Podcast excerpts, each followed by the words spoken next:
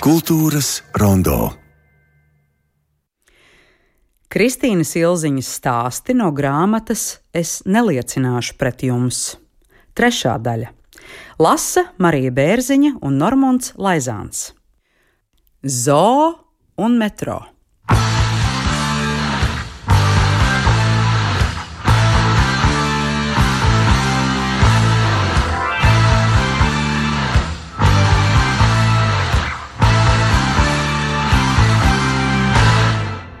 No kādas noklausītas sarunas.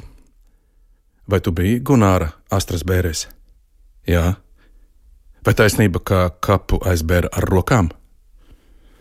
Neatceros. Varbūt. Katrā ziņā ar sirdīm noteikti.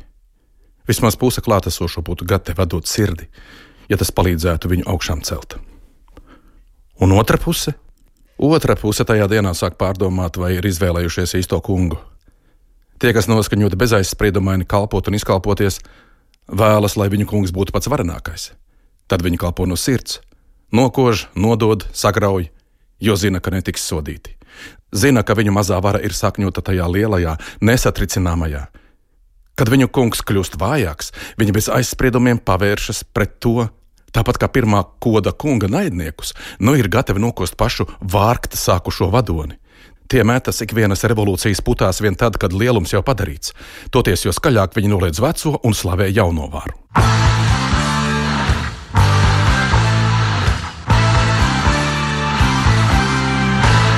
Tramvajs pārpildīts. Iesprāgties, protams, varēja. Vienmēr var, vismaz tad, ja esi mazs. Grūtāk ir, ja līdzi jāiedabū skolas summa, tā ķeras un sprūst. Tās dēļ Andri nereiz vien ir iedunkājuši un mēģinājuši nelaist, ne uz priekšu, ne atpakaļ. Andris ir veikls. Jau no mazotnes viņš rūpējas par sevi pats. Klasē viņu sen atzinuši par noderīgu un uzticamu. Andris mēdz piegādāt visādas foršas mantiņas. Šonadēļ, piemēram, klases stilīgajai sanitiņai par nieka desmitnieku pārdeva tiešām foršu modīgu moheras trubu, tumši sarkanu ar sudraba diedziņu caurvijumu. Divi pāri kooperatīva ražotu melnu tīkliņu zeķbikšu arī ilgi pircējs negaidīja. Tās nopirka Andra mammas kolēģe Aiņa, jauna skuķene. Pucēties kāroja visas. 20 viegli nākušie rubļi Andra kabatā svilina svila prasīdamies laukā. Ko nopirkt, ja nekā lāga nopērkama nav? Nu tā, jūs jau dzirdējāt fragmentu no Kristīnas Ilziņas um, stāstiem radio lasījumā no grāmatas Es neliecināšu pret jums, bet tas nav vienīgais uh, radioteātra jaunums. Un, um, Par šiem jaunumiem šodien mums izstāstīs eh, Māra Glīta, radioteātra vadītāja. Labdien! Labdien! Un skaņa režisors Valdis Zilvers. Labdien! Labdien! Valdi, tad um, šis te darbs, es neliecināšu pret jums, ir um, jūsu ziņā. Lasam arī Bērziņa un uh, Normons Laizāns. Um, izstāstiet, kā tad, kā tad tas notika. Aktieri paši lielā mērā ir. Uh, līdzautori tam stāstam? Mm, nu, Marija Bērziņa ir ne tikai aktrise, bet arī režisore. Arī, jā, jā. Viņa arī šim darbam jā. bija režisore, kā režisore. Mm -hmm. Jā, jā.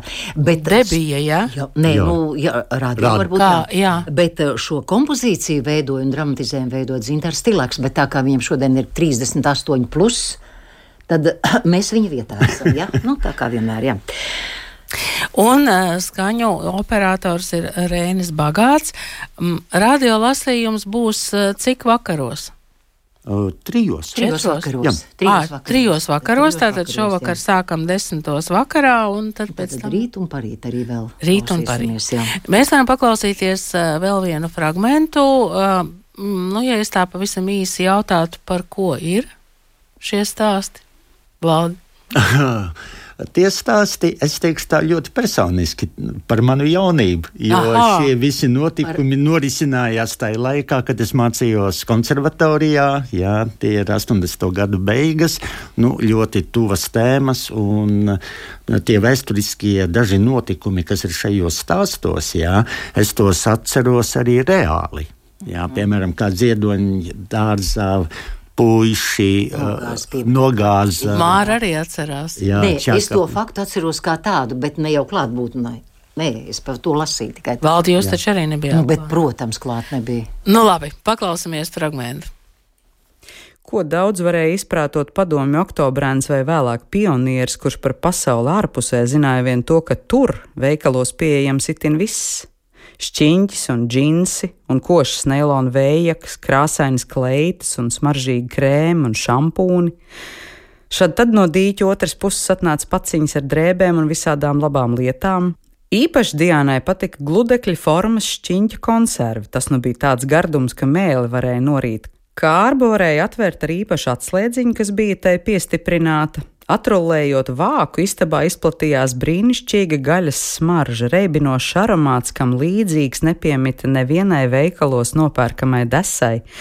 Pat smalkie cīsiņi, kurus reizums izdevās izstāvēt salīdzinājumā ar atsūtīto sārto šķiņķi, šķita blāvi, pelēki un bezgaršīgi.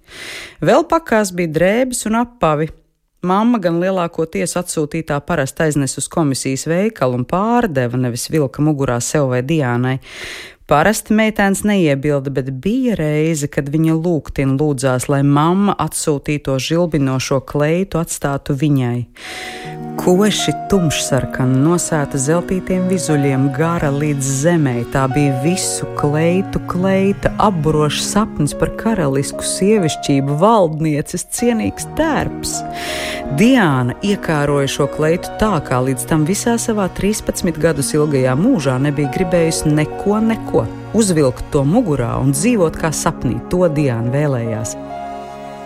Diemžēl mammai bija citi plāni. Neblēņojies, nu viņa sacīja, ka Diana uzplījās. Nu, ko bērns ar tādu iesāks, kur vilks? Un viņu paaicināja ciemos tanti, kas Diānai šķita pilnīgi nepiemērota krāšņajai kleitai. Vietējā gastronoma vadītāja Larisu, balti balinātu blondīnu, kuplu matu ērkuli, kas saņemts pufīgā copē koši ziliem plakstiņiem un sarkanu lakotiem nagiem, prāvām krūtīm, kas slēdzās par Diānas galvu kā kuģa priekšgals, garas slaidas kājas īsos melnos svārkos un zeķzābakos līdz celim, smalkas kaprona zeķbiks smiesas krāsā un kažociņš, gludi viļņots, izskatījās kā ilgviļņi ļoti īsos melnos matos Karakuls, sacīja mamma, tā esot īpaši smalka aitāda, to dabūnot no nedzimušiem jēriem, ļoti dārga. Laris ienāca un uzreiz aizpildīja visu priekšnamu. Viņa šķita milzīga un varena pret mammuci ģērbušos pelēkā blūzītē un rūtainos odarētos svārkos. Smaržoja pēc augsta gaisa, sviedriem, frizētavas un smalkām smaržām. Larisē bija klusa balss, taču arī tā izplatās pa visu dzīvokli. Kur ir tā plaķa paradīja, Marijanečkā, un Diānas sapņu kleita jau bija Larisas varenajās rokās. Kristīna Silziņa stāsti no grāmatas es neliecināšu pret jums, un Marija Bērziņa tik garšīgi lasa, ka ir tāda sajūta, ka tu redzi to visu acu priekšā, vai ne? Tieši tā, un es arī atcerējos dažu labu fragmentu no no savas bērnības, kā, kā sūtīja pats viņas tajā laikā, jā. Bet um, Latvijas rādio ir vēl kāds jaunums, uh, un uh, šis jaunums sāks skanēt uh, 1. novembrī Latvijas rādio dzimšanas dienā. 16 vakarus raidījumā Labu nakti skanēs. Vakar pasaciņa. Vakar pasaciņa, bet īpaši. Bet, jā, jā. bet.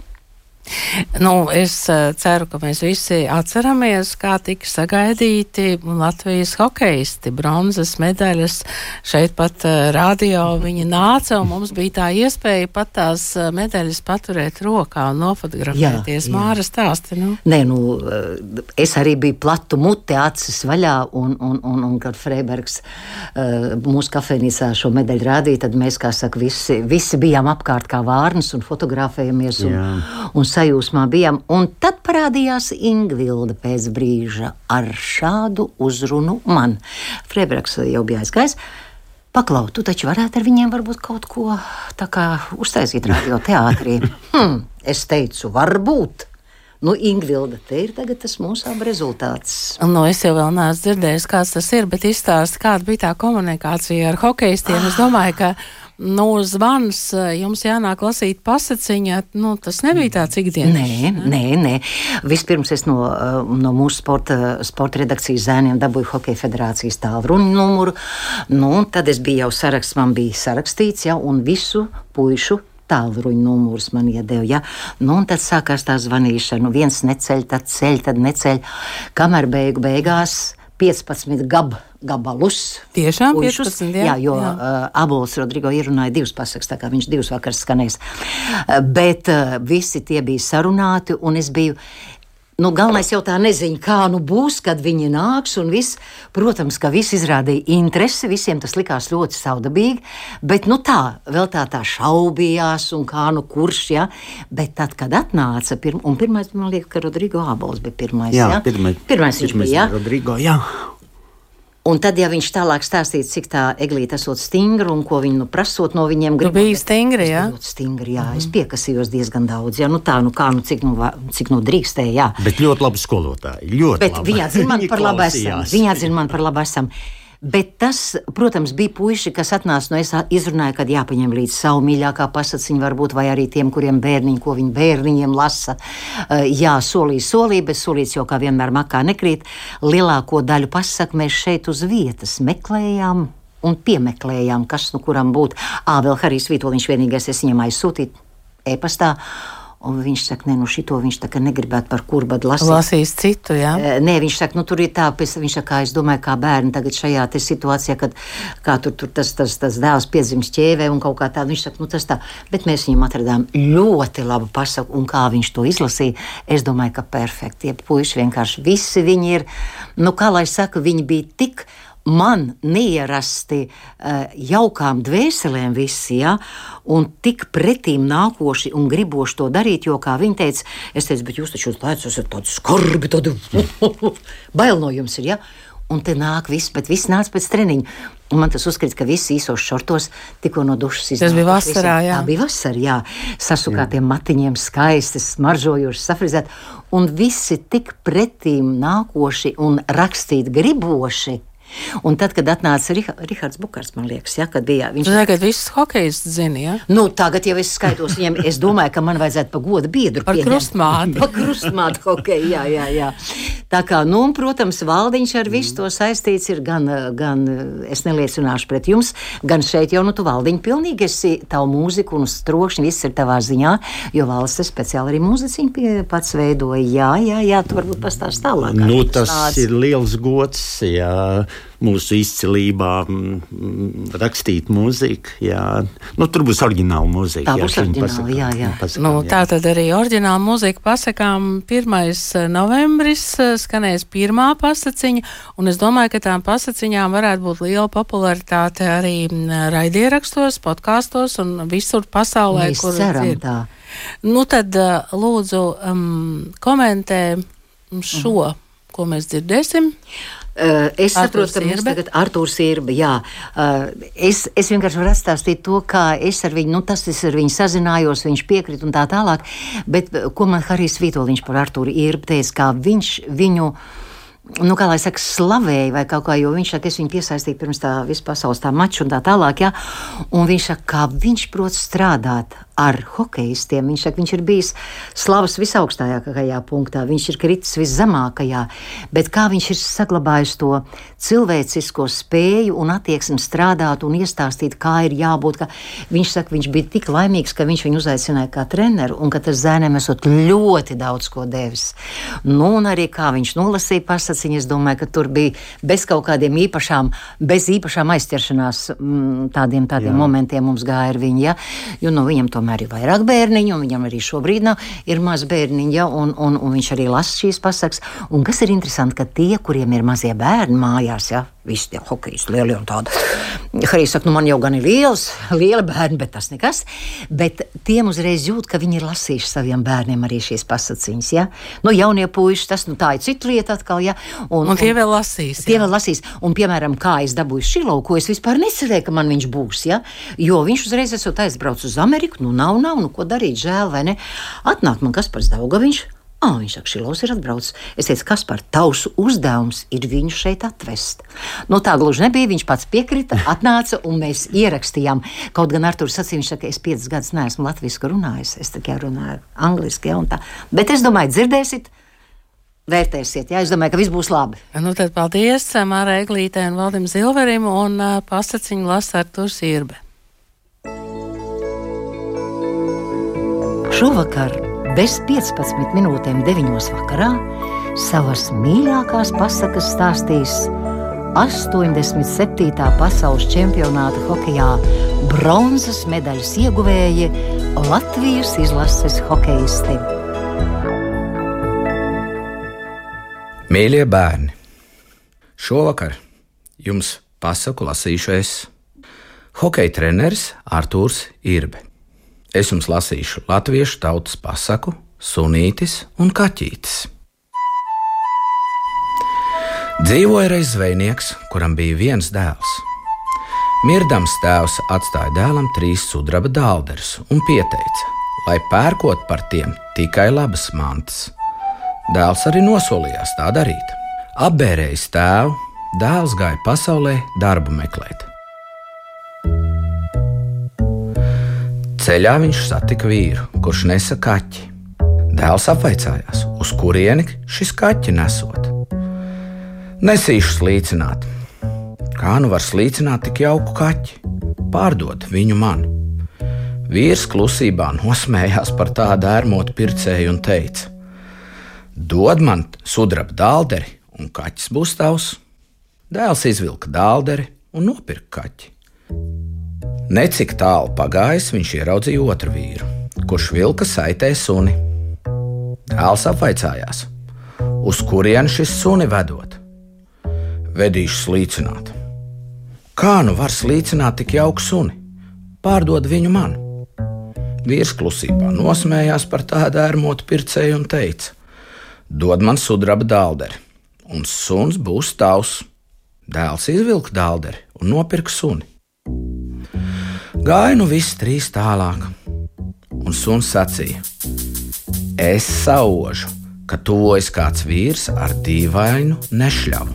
Kaķis sacīja: Es paredzu, ka nākamais pirkums mūsu saimniekam ātrāk nesīs laimi nekā abi iepriekšējie. Pretim nāca vīrs, kurš turēja spīlēs ieņemtu čūsku. Dēls to ieraudzījis, apvaicājās: Uz kurien tu nes to glīto čūsku? Nesīšu tur līdz tam pakalnam un sitīšu viņai galvu pret akmeni. Kā nu var to darīt? Pārdod viņu man. Vīrs nevarēja smieklus valdīt par tik ērmotu pircēju un teica: Dod man sudraba dālderi, un čūska būs tava. Dēls izvilka pēdējo dālderi un nopirka čūsku. Tad čūska sacīja: Paldies tev simtkārt, ka paglābi man no nāves! Tagad iesim uz lielo mežu pie mana tēva. Viņš tev bagātīgi atlīdzinās tavu labo darbu. Tā viņi visi gāja tālāk, kamēr mežā nonāca pie dziļas alas. Čūska nu sacīja: Mums jāiet tālā iekšā, tur būs daudz čūsku. Tā šņāks un gribēs krist tev virsū, bet es tās apsaukšu. Kad tās aprims, ej pie ķēniņa. Viņš tev solīs daudz dārgu mantu, bet tu prasi tikai to gredzenu, kas viņam uz zeltneša. Kad šo gredzenu trīsreiz pagriež, tad piepildās viss, ko to brīdi vēlas. Kad nu dēlam bija jāiet iekšā tumšajā alā, viņam gan pārskrēja šērmuļi pār kauliem. Tomēr viņš saņēma dušu un spēra drošu soli. Un eh, kas notika tālāk, jūs eh, varēsiet dzirdēt tajos vakaros, kad labu nakti pasaciņas lasīs Latvijas hokeisti, un eh, šis bija Arturs Irbe, tātad no 1. novembra vakara.